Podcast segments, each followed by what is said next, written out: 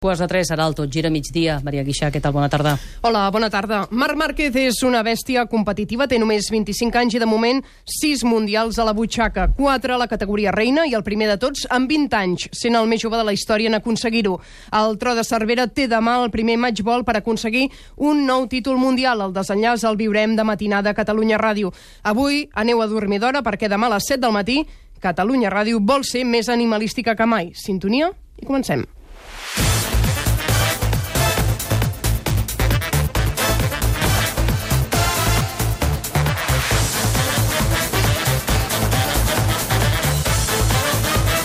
Tot gira migdia amb Maria Guixà.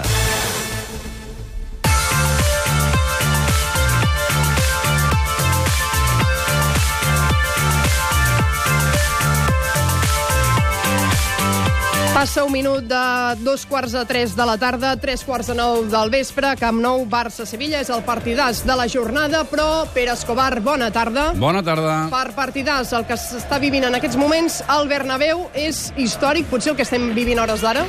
Eh, Sí que ho és perquè... Bé, l'ambient no, eh? Perquè alguna vegada ja havia sentit cridar al Bernabéu, però la gent està molt empipada perquè, atenció, el Madrid perd minut 70 de partit a 20 del final amb el Llevant per dos gols a zero. I això sí que és històric.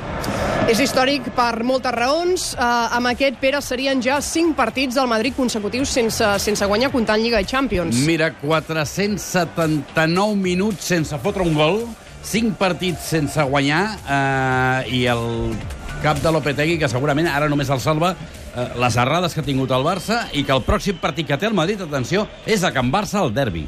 Són 20 minuts d'aquí al final. Uh, com veus la situació ara mateix, si veus o no la possibilitat que, com a mínim, com a mínim, el Madrid salvi un punt. M'estàs fent una molt mala jugada perquè jo t'he de dir el que penso i el que penso és que el Madrid està molt malament, que el Llevant està molt tranquil, que el porter avui li ponen totes, se li ha aparegut eh, la verge de, de València, eh, i dubto molt que el Madrid eh, pugui aixecar aquest partit, perquè ni hi creuen ni estan fent ocasions com per fer-ho. I a més a més, eh, això, eh, ho dèiem, porteria zero, um, 7 hores 45 minuts exactament sense marcar la ratxa, eh, la podem arrodonir, que és que és fortíssima, 465 minuts amb la pitjor ratxa de, de la història del Real Madrid. Els gols, Pere, ben matiners, eh, per part del Llevant. Molt aviat, això ha estat el, el principal drama del Madrid. Atenció, ara Marcelo i gol. El gol de Marcelo des de la frontal de la Gran, minut 71 de partit, la primera pilota que engalta Marcelo centrat i ha exhibat un xut amb la cama dreta imparable pel llevant. És a dir, que això és complicatiu i no em facis dir-te el que penso, perquè... doncs mira, això és el que passa ara mateix. El Madrid marca el primer, 1-2, mm, més de 700 minuts sense fotre un gol, eh, doncs eh, més de 500 minuts, perdó, sense fotre un gol, han aconseguit Marcelo amb una pilota molt centrada, sol pràcticament des del punt de penal, entre el punt de penal i la frontal de la Gran, no tenia ningú que el destorbés, només Jasson una miqueta a prop ha aconseguit el primer gol del partit pel Madrid. I la celebració amb ràbia, eh, de, Ma Home. de Marcelo. Um, ara no s'han sentit, uh, òbviament, els... Mira, la repetició sentim ara, eh? Els xiulets que hem sentit al descans també espectaculars, Pere. Sí, perquè la gent està molt empipada. Eh, em preguntaves els gols, han arribat molt aviat. Eh, al minut 7, una errada brutal de Baran que ha aprofitat Morales després d'un control increïble a l'interior de la gran per eh, superar Courtois. I al minut 13, un penal també de Baran que toca la pilota amb la mà dintre de l'àrea eh, i que ha aconseguit transformar Roger. Um, això, suma-li, que al minut 18, només 5 minuts més tard, hi ha hagut un gol anul·lat a Asensio per un fora de joc previ i que aquestes tres jugades, les tres, han estat precedides pel bar, doncs com et pots imaginar, l'ambient a Madrid era estupendo. A més a més, el seu equip estava perdent 0-2, jugant a molt poc, eh? Tocar i tocar i tocar, però jugant a molt poc. No es mou de moment aquest 1-2 al Bernabéu, 72 ja de partit. Eh, seguirem pendents del desenllaç d'aquest enfrontament que pot ser de caixa o faixa pel tècnic blanc Julen Lopetegui, però a aquesta hora també Xevi Soler, bona tarda. Bona tarda. Tenim més escenaris d'esport en directe. I ara parlaven d'un tècnic que està qüestionat com és Julen Lopetegui, també ho està sent en aquest cas a la Premier League anglesa.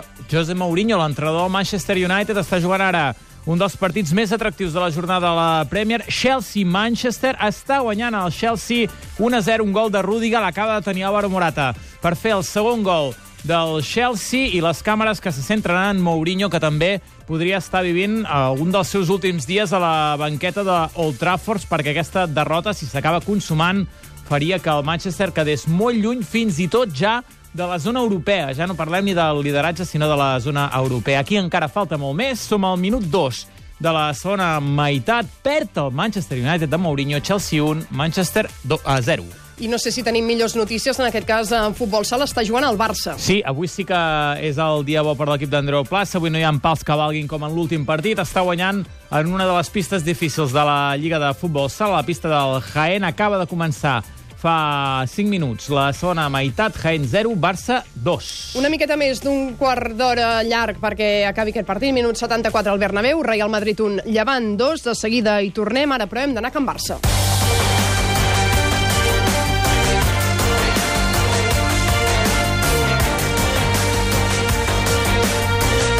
Perquè a aquesta hora estem pendents de l'assemblea de compromissaris que fa el club al Palau Blaugrana. Seguint-ho des de primera hora del matí tenim el Roger Bosà. Roger, bona tarda. Què tal, Maria? Bona tarda. De seguida expliquem l'ordre del dia, però d'entrada hem sentit ja el president Josep Maria Bartomeu. D'entrada, Roger instal·lat en un discurs, podríem dir que optimista, i també un punt reivindicatiu. Sí, contundent. El discurs inicial del president era el primer punt de l'ordre del dia i ha deixat algun titular, ha estat contundent, com dèiem, sobretot per això, eh, pel posicionament polític del club, ha fet referència a l'actualitat política. Atenció, Bartomeu posiciona el club a favor del dret a decidir i denuncia l'empresonament dels polítics catalans. Des de fa molt de temps sempre hem reclamat que les situacions, i també aquesta, es resolgui bueno, mitjançant un procés de diàleg i de negociació política.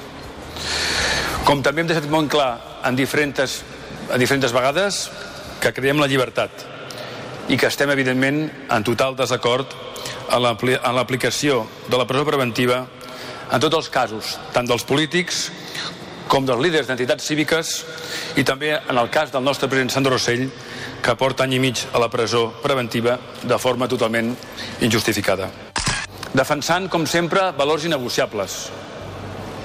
La llibertat d'expressió, el dret a decidir i la voluntat que tenim sempre d'estar al costat del que decideixi la majoria del poble de Catalunya.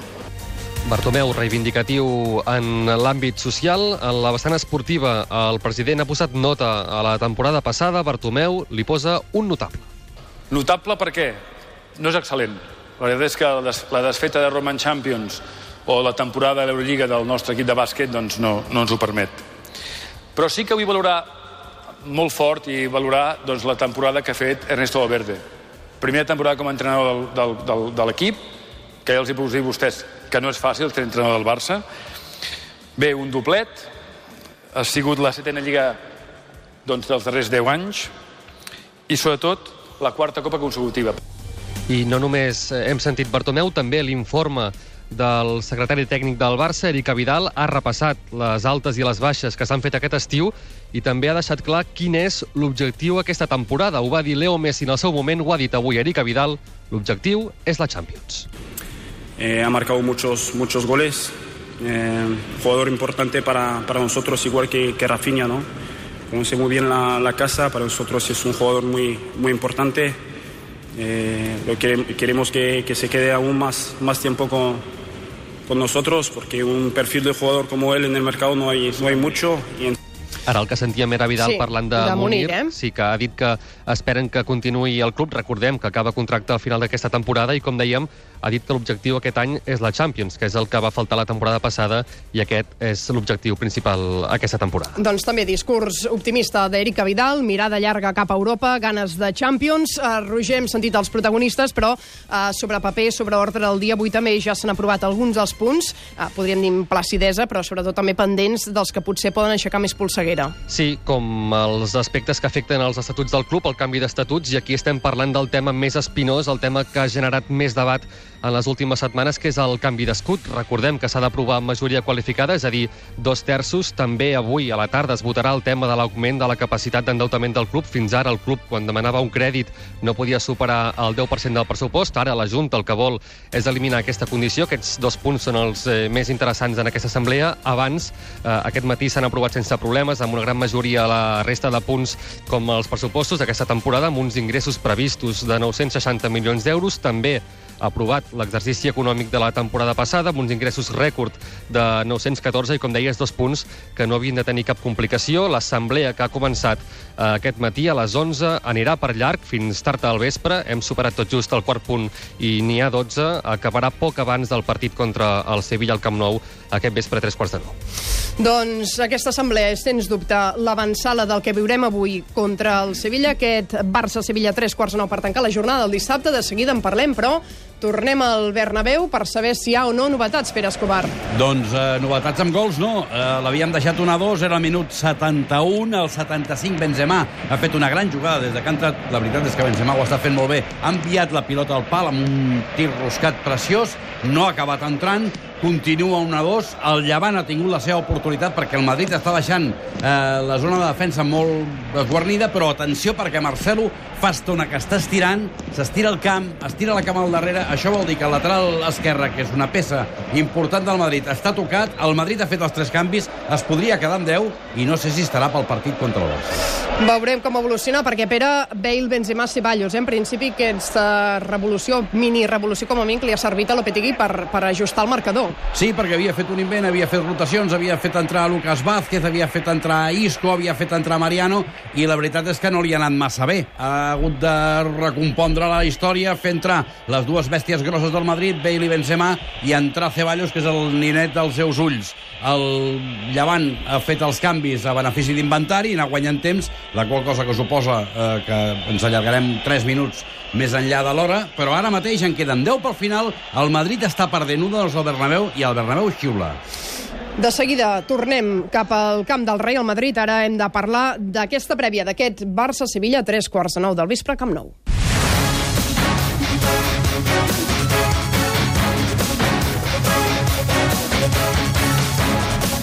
Perquè avui el Barça rep un Sevilla que fins ahir era líder de primera, ara ho és de manera provisional l'Alavés, que va guanyar ahir al Celta de Vigo, a Galícia. Ramon Sarmunri, bona tarda. Què tal, Maria? Bona tarda. Avui sí, partidars també, amb aquest lideratge de la Lliga en joc i per acabar també partidars una mala ratxa que pugui servir per trencar aquesta mala ratxa d'un Barça que fa quatre jornades que no guanya. I tant, el Sevilla segon amb 16 punts, un més que el Barça.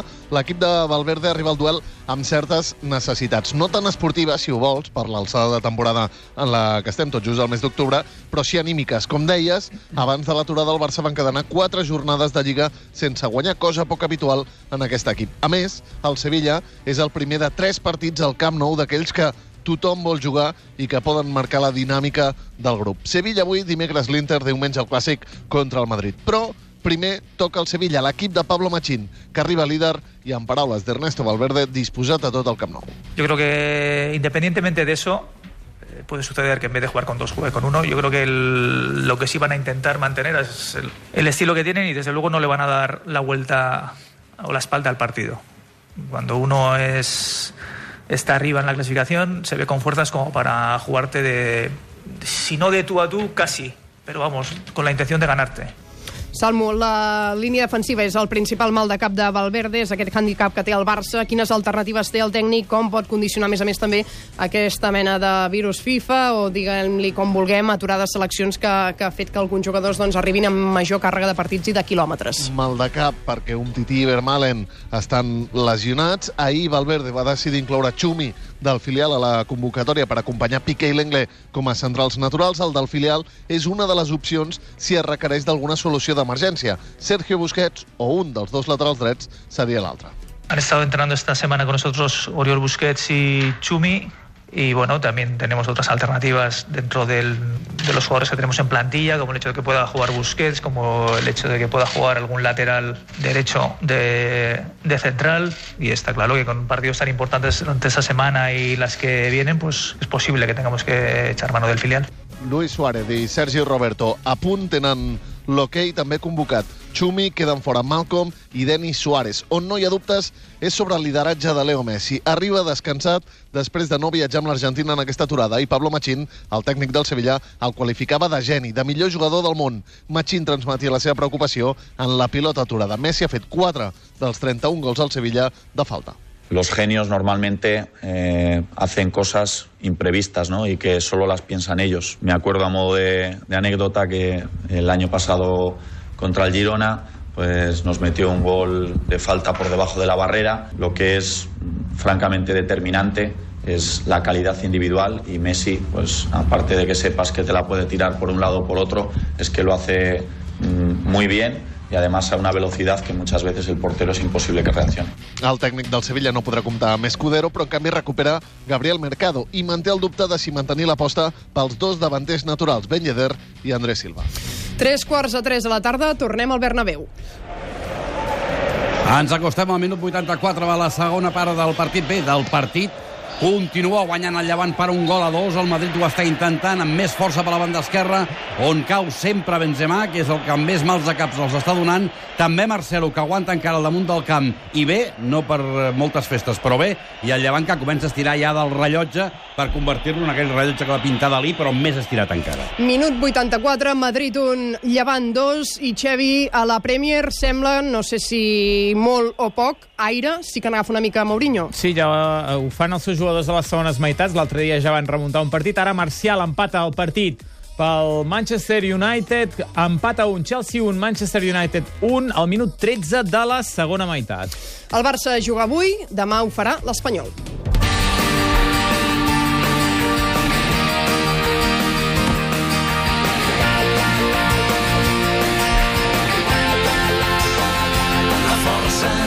L'equip blanquiblau passa per un dels moments més dolços potser d'aquests últims anys. Demà s'enfronta a l'Osca, a domicili. Sergi Andreu, bona tarda. Bona tarda, Acabem Maria. de sentir fa res, el tècnic. Rubi, com Sí. estan els ànims i què explica? Bé, els ànims molt bé, eh, un partit molt especial per Rubi, torna a casa seva, almenys durant la temporada passada, allà hi va aconseguir l'ascens a primera del conjunt aragonès, se l'estima moltíssim allà, és gairebé un heroi, ell ho sap i ja té el cap de mala rebuda. És un partit que realment és especial. Fa quatre mesos estàvem allà, ens van tractar de meravella.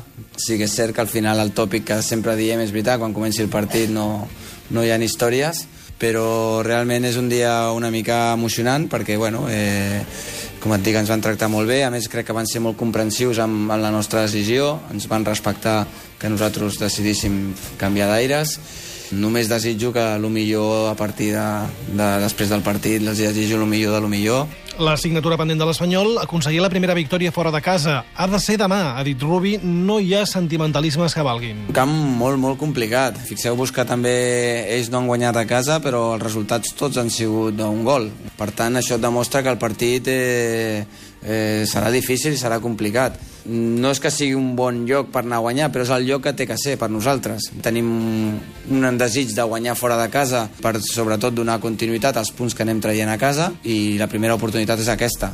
Un equip, aquest Osca, que coneix bé Rubi, la gran majoria dels jugadors que hi ara mateix els va tenir la temporada passada, i qui millor que ell, que Rubi, que va detectar els punts forts d'aquest Osca. La Losca, tot i que ara porti una ratxa una mica dolenta, té molt bons futbolistes. Els que jo conec de l'any passat us puc assegurar que són gent que s'han guanyat jugar a primera divisió perquè tenen coses molt bones. I una de les coses que realment jo crec que ens va també diferenciar l'any passat és el punt d'honor de l'equip. És un equip amb molt de cor, que ho dona tot, que és un equip de, de moltíssim cor.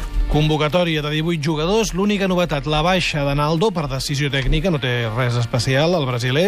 Una setmana més, això sí, no entren els tres nanos provenents del filial, que ja formen part, de fet, del, del primer equip, que són Pipa, Puado i Àlex López. Tot gira a migdia. Amb Maria Guixà.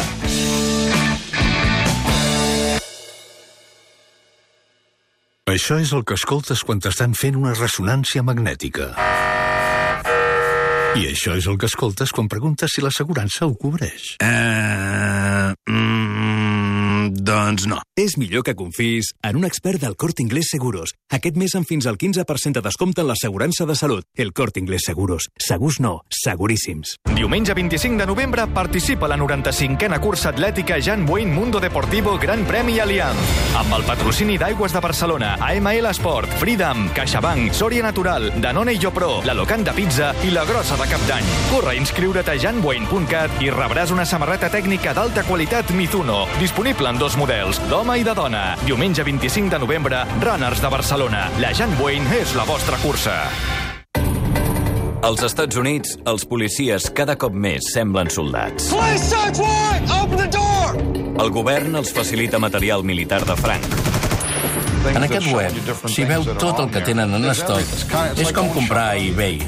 I a més, massa vegades disparen a matar. En un sol any hi ha hagut mil morts. Tema la policia, 30 minuts, a TV3, diumenge a la nit. Tot gira a migdia, amb Maria Guixà. Així de clar. Així de clar. De seguida tornem al Bernabéu, però hem de parlar del motociclisme amb el Damià Aguilar marxant cap al Japó. Marc Márquez té la primera oportunitat de ser ja campió del món demà mateix. El tro de Cervera, però, sortirà des de la sisena posició de la graella. El seu principal rival, Andrea Dovizioso, sortirà des de la pole position. Anem fins a Motegi. Damià Aguilar, bona tarda. Bona tarda, Maria. Malgrat sortir sisè, Márquez es veu amb clares opcions ja de proclamar-se campió al Japó. Mira, escolta el, tu mateixa. Sí, n'hi ha, n'hi ha. Eh, potser seria millor, n'hi hauríem més eh, sortint primer i que Dobby sortís sisè, eh, però, però bueno, avui no, no ha sortit com esperàvem, no sempre surt eh, el resultat que, que un espera, però a nivell de ritme no estem gens malament, crec que, que estem eh, preparats per lluitar pel podi i si tot es quadra eh, podem lluitar per la victòria, però tot dependrà de la sortida i les primeres voltes, és allà on hauré d'estar més centrat que mai. Aquestes són declaracions de Marc Márquez al Tot Gira. Eh, és part d'una entrevista que sentireu aquesta tarda en què farem doncs, eh, vaja, una miqueta més de balanç de situació com a prèvia, també amb tertúlia, de cara a buscar les claus del que pot ser demà aquest cinquè títol mundial de Marc Márquez. De seguida repassem com ha quedat avui aquesta graella de sortida, però abans, Damià, contextualitzem, expliquem com queden les opcions i les combinacions que té ara mateix Marc Márquez per ser ja campió del món a Japó. Tinguem en compte el podi. Si tots dos acaben al podi, Márquez, per ser campió, ha d'acabar davant d'Andrea Dovizioso. Ara bé, si tenim un eh, escenari en què tots dos queden fora del podi, Márquez es pot permetre el luxe de cedir dos punts respecte a Andrea Dovizioso, per tant, si Dovizioso fos quart, Márquez seria campió fent el cinquè, etc etc. i fins i tot hi ha una variable que és Valentino Rossi. Márquez pot cedir dos punts respecte a Dovizioso i pot cedir 24 punts respecte a Valentino Rossi. No és previsible que Valentino demà acabi davant de Marc Márquez, per tant, diguem-ne que aquesta opció seria molt més remota. Bàsicament és Dovizioso l'home que pot frenar eh, o que pot ajornar, millor dit, el títol de Marc Márquez. Un pilot, l'italià, que de fet ha aconseguit el millor temps. Repassem ara, sí, Damià, com ha quedat eh, aquesta graella. Mira, la segona pole position per Andrea Dovizioso amb Joan Zarco i Jack Miller a la primera fila. És una primera fila sui generis, també segurament per la presència de Zarco, però més per la presència de Miller. Segona fila amb Crutchlow, Iannone i Marc Márquez. Tercera fila amb Maverick Viñales, Alex Rins i Valentino Rossi. Quarta fila amb Álvaro Bautista, Dani Pedrosa i el japonès Nakagami. A la cinquena fila, Pol Espargaró. A la sisena, Aleix Espargaró. I a la novena, Jordi Torres. Què ha dit el protagonista? Què ha dit eh, avui Dovizioso, Damià? Eh, Andrea Dovizioso eh, és conscient que eh, Márquez és l'home que té ara mateix segurament el millor ritme. Fins ara ha anat tot molt bé, tal i com pensàvem. Però, com passo... Però en ritme el Marc està molt, molt bé. Però no només el Marc, també els altres. Dobbiamo cercare di migliorare. Per tant, hem d'intentar millorar si és possible. No sé si tenim marge per fer-ho, ho hem d'estudiar, i pel que fa a pneumàtics no tinc clara la cosa, perquè tots hem anat bé amb el mitjà i el tou. No tenim clar quins pneumàtics farem servir, perquè tampoc no els hem fet gaires voltes en conjunt, i no tenim detalls sobre les últimes voltes. Encara hem d'estudiar, per tant, coses per prendre les últimes decisions. Damià, les altres dues categories, Moto2, Moto3, com han quedat les graelles? La pol de Moto2 per Peco Banyalla, el líder de la categoria, amb Quartararo i el valencià Lecuona a la primera fila, Àlex Márquez encara adolorit per la caiguda d'ahir, segona fila, Xavi Vierge, tercera fila, amb també la tercera pel portuguès Oliveira, i en el cas de Moto3, la pol l'ha feta el barceloní Gavi Rodrigo, en McPhee i Bezzecchi a la primera fila, Jorge Martín, el líder, sortirà des de la segona, i el gironí, l'Albert Arenas, ho farà des de la tercera. Descans, Damià, gràcies. Adeu. Cap al Bernabéu, Pere. Queda minut i mig perquè s'acabi el partit. N'ha donat 4 a l'àrbitre, el senyor Quadres, debutant a primera divisió, un home balear, i el Madrid de moment no se'n anat un gol a Mariano per un fora de joc clar, i el Llevant aguanta l'1-2 encara, quan queda res, pràcticament un minut perquè s'acabi el partit. Ho prova Marcelo des de molt lluny, hi ha un rebot, hi haurà corna favorable al Madrid, Pilota pel Madrid, un minut pel final, Lopetegui patint, però com no hi ha Déu, i el Madrid passant-ho molt malament. Qui sembla que ja ha sentenciat és el Barça de Futbol Sala. Ha marcat el tercer i el quart està guanyant a la pista del Jaén. Jaén 0, Barça 4. El llançament del córner el fa Modric, posa els dos punys. Oyer ho fa tan malament com sap, torna a sortir Oyer, l'atrapa pilota pel Llevant, que fa un servei ràpid, intentant aprofitar la velocitat de Boateng. Boateng sol a camp contrari, fa una bona passada. El Llevant aguantant la pilota. Hi ha un 1 contra 1 i una falta de Marcelo de jutjat de guàrdia. Encara solta. Fora! La jugada més clara del món l'ha tingut Morales. Era l'1-3. L'entrada de Marcelo era de vermella. L'ha deixat Morales i l'oportunitat per fer l'1-3 definitiu ha sortit a l'esquerra de la porteria de Courtois. Marcelo s'estalviarà la vermella, li ensenyen la groga, era vermella perquè era una tisora espectacular, i el partit que s'esmicola a les mans del Madrid, l'àrbitre xiula al final, final al Bernabéu, perd el Madrid, guanya el Llevant, el senyor Lopetegui amb cara de pomes agres, el senyor Florentino no seguirà fa, però em faria por. Sentim el Bernabéu.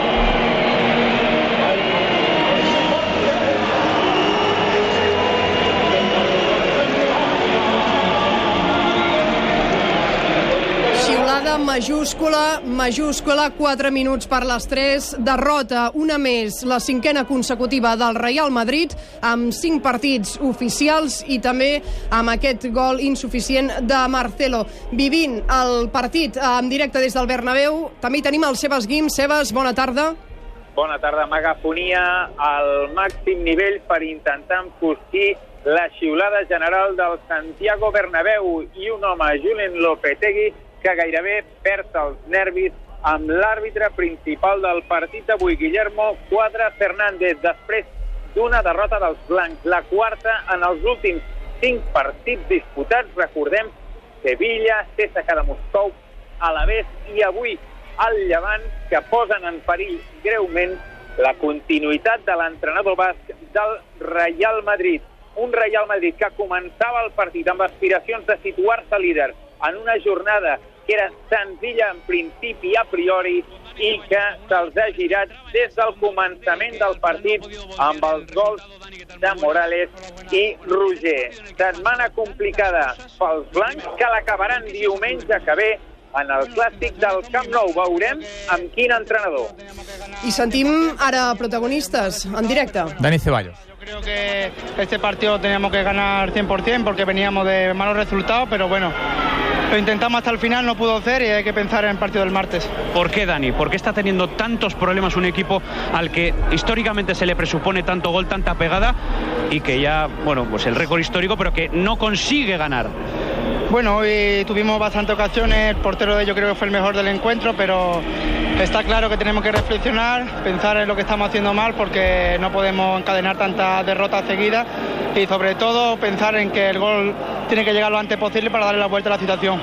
Ya sé que en el Real Madrid las cosas siempre son tremendas, es un equipo que aguanta mucha presión, pero ¿notáis que después de nueve jornadas y tan pronto la situación es límite? Digo que sí, después de nueve jornadas, ¿sentís que hay casi una sensación límite? Bueno, está claro que veníamos de perder dos partidos, estamos eh, a dos puntos del líder, creo que era un momento para ponernos primero, pero no hemos sabido aprovechar la ocasión y creo que tenemos que reflexionar, como bien he dicho antes, pensar en todas las cosas que hemos hecho mal para en el próximo partido dar la cara y volver a ganar, que es lo que merece este, este equipo, que es el mejor del mundo. ¿Esto le puede costar el puesto a Julen?